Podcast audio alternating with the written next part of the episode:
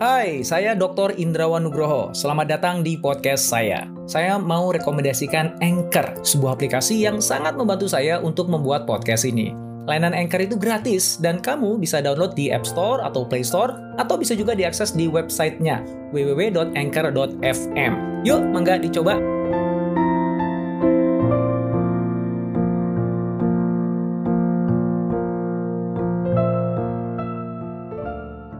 Baru-baru ini, Komisaris Utama PT Pertamina, Pak Basuki Cahaya Purnama yang akrab disapa Ahok meramalkan akan ada ancaman nyata bagi Pertamina sebagai penyedia bahan bakar minyak untuk roda 2 dan roda 4. Ahok mengatakan, saya yakin nggak sampai lima tahun lagi SPBU itu bakalan sepi karena banyak orang akan pakai motor listrik. Padahal kebanyakan operasional SPBU itu diisi oleh kendaraan roda 2. Saya belum sempat ngobrol langsung dengan Pak Ahok tentang hal ini, tapi menurut saya ramalan beliau itu masuk akal banget. Kok bisa? Yuk kita kupas bersama ya di video ini ya. Benarkah motor listrik akan menjadi masa depan industri transportasi di Indonesia dalam waktu dekat ini? Dan apa saja keunggulan dan kekurangannya? Siapa pemain-pemain utamanya dan apa strategi bisnis mereka dalam mendisrupsi industri motor konvensional? Saya beruntung karena saat mempersiapkan video ini, saya sempat ngobrol langsung dengan salah seorang entrepreneur di bidang motor listrik. Jadi saya bisa dapat bocoran tangan pertama nih dari pelaku bisnisnya tentang berita industri, tantangan-tantangannya, hingga strategi persaingan para pelaku bisnis motor listrik. Nah, melalui video ini saya akan bagikan rahasia itu untuk Anda.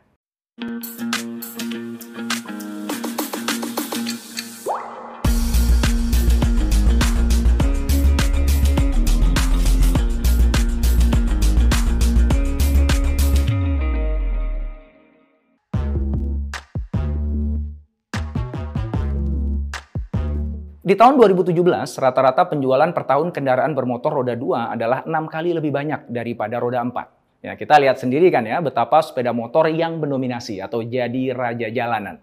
Nah, bicara tentang motor listrik, apa sih keunggulannya dibandingkan dengan motor biasa yang menggunakan bahan bakar bensin?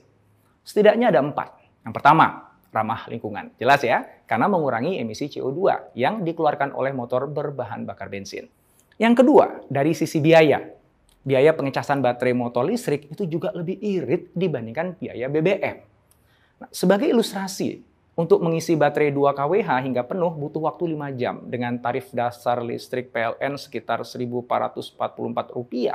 Maka sekali isi hingga penuh hanya butuh Rp2.889 aja. Uang tersebut bisa digunakan untuk jarak tempuh 60 km. Nah, kalau kita bandingkan ya dengan bahan bakar bensin, harga bensin RON 90 per liter aja kan udah Rp7.650 kan ya. Itu belum bisa untuk 60 km. Jadi udah kebayang ya kira-kira perbandingannya. Oke, yang ketiga, penggunaan suku cadang pada motor listrik jauh lebih sedikit dibandingkan motor bensin. Nggak perlu tuh ada penggantian oli mesin, oli transmisi, atau pelumas lainnya. Servis yang dibutuhkan paling cuma penggantian kampas rem atau minyak rem saja. Yang terakhir, motor listrik nggak berisik. Suara mesinnya yang kecil dan halus itu jauh lah dibandingkan dengan motor bensin ya. Walaupun di sisi lain masih ada sejumlah hal yang jadi pertimbangan konsumen dalam membeli motor listrik.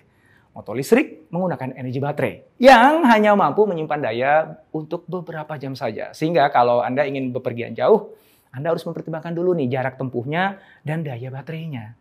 Nah, hal ini bersinggungan nih dengan kekurangan yang berikutnya yaitu masih kurangnya kemudahan mengisi ulang baterai. Memang saat ini pemerintah bekerja sama dengan para perusahaan besar untuk membangun stasiun pengisian atau penggantian baterai di beberapa wilayah di Indonesia. Tapi pertambahannya masih terlalu sedikit. Terlebih lagi bagi mereka yang bukan tinggal di perkotaan. Pastinya lebih susah ya untuk mendapatkan stasiun pengisian baterai ini. Satu hal lagi nih yang jadi pertimbangan konsumen, yaitu kondisi Indonesia rawan banjir. Pada dasarnya motor listrik itu bisa dan aman digunakan saat musim hujan. Sebab pabrikan sudah membuat komponen atau part motor listrik yang kedap air. Namun tetap aja ya nggak disarankan bagi para pengguna motor listrik nantinya untuk menerjang banjir seperti perilaku umumnya para pengendara motor di Indonesia pada saat ini. Kecepatan motor listrik juga lebih pelan dibandingkan motor konvensional. Karena daya mesinnya hanya melibatkan dorongan aliran listrik dari baterai. Sehingga nggak bisa secepat motor konvensional. Setidaknya sekarang. ya. Jadi bagi Anda yang suka ngebut nih di jalan ya, faktor ini mungkin membuat Anda agak ragu untuk membeli motor listrik. Selain itu, sebagaimana umumnya produk yang baru, saat ini harga operasional motor listrik masih relatif mahal. Suku cadang yang tersedia juga belum banyak. Perusahaan belum menjalankan pertambahan infrastruktur secara masif karena merasa penggunaan kendaraan listrik masih sedikit. Sedangkan sebaliknya, para pengemudi juga masih ragu membeli mobil listrik atau motor listrik karena infrastruktur dirasakan masih kurang memadai. Jadi ini polemik khas ya atas adopsi inovasi yang kerap kita temui di dunia bisnis. Mana nih yang harus kita dulukan? Ayam dulu atau telur dulu?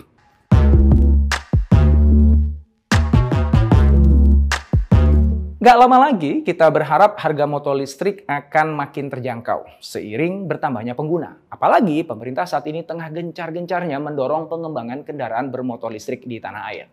Presiden Jokowi juga bertekad agar Indonesia mampu berpartisipasi aktif dalam rantai pasok global, yaitu sebagai penyedia bahan baku utama baterai mobil listrik atau motor listrik. Data Kementerian BUMN menunjukkan Indonesia punya cadangan nikel yang merupakan bahan baku utama baterai mobil listrik terbesar di dunia, yaitu 21 juta ton. Presiden Jokowi telah mengeluarkan peraturan Presiden nomor 55 tahun 2019 tentang percepatan pengembangan industri kendaraan bermotor listrik berbasis baterai. Perpres ini antara lain membahas insentif fiskal dan non-fiskal dari pemerintah pusat dan juga daerah kepada pelaku industri. Juga penyediaan infrastruktur pengisian listrik. Menyusul perpres tersebut, di tahun 2020 sejumlah kementerian terkait seperti perindustrian, perhubungan, serta energi dan sumber daya mineral telah mengeluarkan peraturan menteri untuk mendorong penggunaan kendaraan listrik pada kegiatan transportasi. Dirjen Perhubungan Darat Budi Setiandi mendorong adanya skema pembelian kendaraan bermotor tanpa baterai, yaitu dengan konsep tukar baterai atau swap baterai. Saat ini sudah ada beberapa perusahaan yang bergerak di bidang tersebut, di antaranya PT Energi Selalu Baru, PT OYK Powered Solution, dan PT Swap Energy Indonesia. Jadi bayangin nih, di masa depan kalau motor listrik Anda tahu-tahu lowbat di tengah jalan, nggak usah khawatir anda tinggal menuju minimarket terdekat yang menyediakan swap baterai. Lalu tukar deh baterai yang kosong dengan baterai yang sudah terisi penuh. Hingga 2025, pemerintah menargetkan bisa memproduksi sebanyak 600 ribu mobil listrik dan 2,45 juta unit untuk motor listrik. Hai, sebelum kita lanjut podcastnya, kamu sudah pernah dengar Anchor kan? Anchor adalah all-in-one podcast editing platform yang saya gunakan untuk rekaman, edit suara, tambah lagu, dan semua hal dalam pembuatan podcast yang sedang kamu dengerin ini. Anchor bisa membantu kamu bikin podcast kamu sendiri loh. Caranya gampang, tinggal download dari App Store atau Play Store, atau bisa juga diakses di www.anchor.fm. Download Anchor sekarang ya.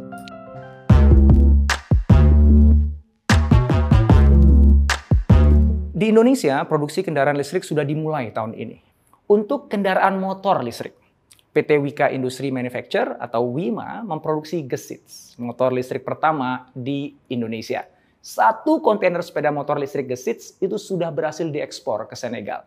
Bangga juga kita ya, kalau produk otomotif Indonesia bisa dipasarkan juga nih ke luar negeri. Pemain lainnya adalah Gogoro, motor listrik manufaktur asal Taiwan, yang paling dulu memperkenalkan sistem baterai yang telah digunakan oleh Gojek dan menjadi mitra dalam penyediaan suplai baterai. Para mitra ojek online mengatakan bahwa tarikan motor listrik terasa mulus dan biaya operasional yang dikeluarkan untuk kendaraan juga menurun sekitar 30% per bulan. Lumayan signifikan juga ya. Nah, ada nih satu produsen motor listrik terbaru namanya Volta yang keunggulannya telah menerapkan battery replacement system alias sistem ganti baterai atau SGB pada produk-produknya. Baterainya pun dijual sepaket dengan motornya atau ketika beli motor sudah dapat baterai di sana. Setiap produk kendaraan listrik yang diproduksi atau yang ada di Indonesia saat ini cukup beragam dan bersaing satu sama lainnya. Biasanya yang membedakan antar produk adalah sistem swap baterainya dan voltase yang dimiliki oleh baterai. Hingga kecepatan yang bisa ditempuh itu berbeda, disesuaikan dengan spesifikasi dan harga setiap brandnya. Proses pengisian daya atau charging itu berbeda juga untuk setiap brand. Rata-rata motor listrik memakan waktu sekitar 4-8 jam. Beberapa brand juga menyediakan fast charging yang cukup memakan satu setengah sampai 3 jam saja untuk setiap pengisiannya. Dan pengisian bisa dilakukan di rumah dengan ukuran voltase yang tepat. Atau bisa juga dilakukan di PLU yang tersebar di beberapa wilayah di Indonesia, khususnya perkotaan. Terlepas dari masih adanya keraguan bagi sebagian kalangan, respon dari pasar Indonesia terkait dengan motor listrik itu terhitung positif.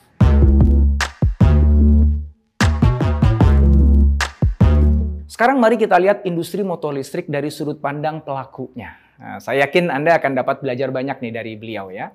Beberapa waktu yang lalu saya berbincang dengan founder dan direktur PT Volta Indonesia Semesta, Pak Wilty Awan. Beliau adalah profesional yang sudah mapan berkarir di sebuah perusahaan otomotif. Tapi kemudian, lulusan teknik mesin Universitas Tarumanegara ini berani banting setir dan merintis usahanya sendiri. Memilih menjadi pebisnis yang tentunya penuh dengan ketidakpastian. PT Volta Indonesia semesta mulai membuka pabrik kendaraan listrik pertama di kawasan industri Terboyo Timur, Semarang, Jawa Tengah pada Oktober 2017. Dan karena ketika itu peraturan presiden belum terbit, maka Volta mulai dari memproduksi sepeda listrik yang dipasarkan pada Februari 2018 sambil merintis uji coba motor listrik mereka. Ketika peraturan presiden akhirnya dikeluarkan di Agustus 2019, Volta berhenti memproduksi sepeda listrik dan fokus hanya memproduksi motor listrik saja. Volta 401 401 adalah motor listrik buatan Volta yang pertama dan dipamerkan di IIMS Motobike Hybrid Show 2020 di Moto Village, Jakarta. Model Volta 401 ini dibekali dinamo 1500 watt dengan jarak tempuh 60 km dalam satu kali cas. Dinamonya ada dua bongkah baterai, ya, sehingga dapat membawa motor berjelajah hingga 120 km. Hal itu menjadi keunggulan dari Volta. Selain tentu saja sistem ganti baterainya. Bayangin aja ya, Anda lagi bawa motor listrik terus baterainya mau habis. Kan nggak mungkin ada pulang untuk ngecas kan, atau numpang ngecas di rumah orang lain. Nah dengan sistem ganti baterainya Volta ini, Anda cukup datang ke stasiun ganti baterai terdekat, terus tukar deh baterai Anda yang udah lowbat dengan baterai yang baru. Dan perjalanan Anda pun bisa berlanjut. Di awal 2021, Volta menawarkan test drive motor listrik mereka kepada perusahaan logistik Si Cepat.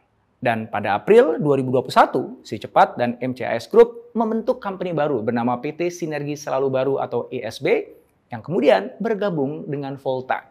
Pada November 2021, Volta membangun pabrik khusus untuk sepeda motor listriknya di kawasan industri Candi Semarang yang memproduksi motor listrik roda 2 dan juga roda 3. Jadi menarik nih, ada simbiosis mutualisme atau pertemuan strategis dua kepentingan Perusahaan logistik si cepat dengan puluhan ribu pengendara memiliki kebutuhan motor yang besar di saat yang sama perlu mengurangi biaya operasional. Sedangkan di sisi lain, Volta punya produk motor listrik hemat energi yang ingin dipasarkan.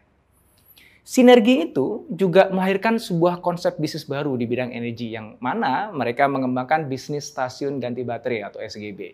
Stasiun SGB ini akan dibangun di gerai-gerai si cepat yang tersebar di kota-kota besar. Saat ini udah ada sekitar 100 stasiun SGB di Jabodetabek yang bisa digunakan. Dengan demikian, pemilik motor listrik nggak perlu khawatir kehabisan baterai di tengah jalan.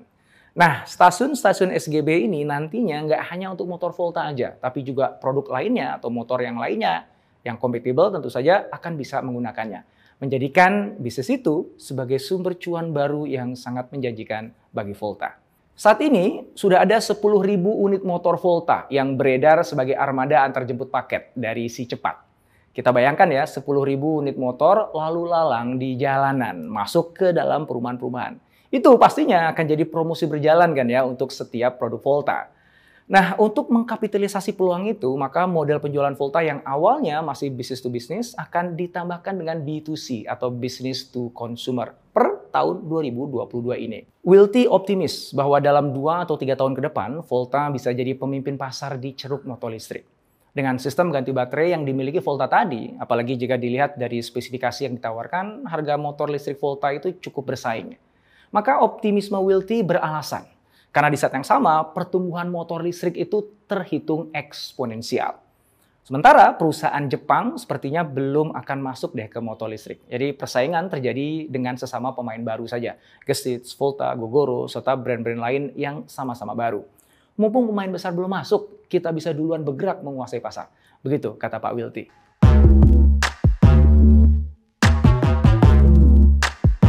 Dalam jangka panjang, kendaraan listrik lebih efisien secara ekonomi dan lebih ramah lingkungan. Dengan dukungan dan difasilitasi pemerintah, Indonesia sangat berpotensi untuk menjadi produsen kendaraan listrik.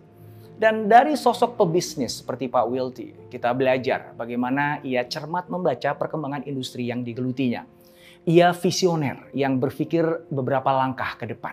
Sehingga ia bisa termasuk dalam first mover atau pemain awal di pasar motor listrik yang masih baru dan terbuka luas.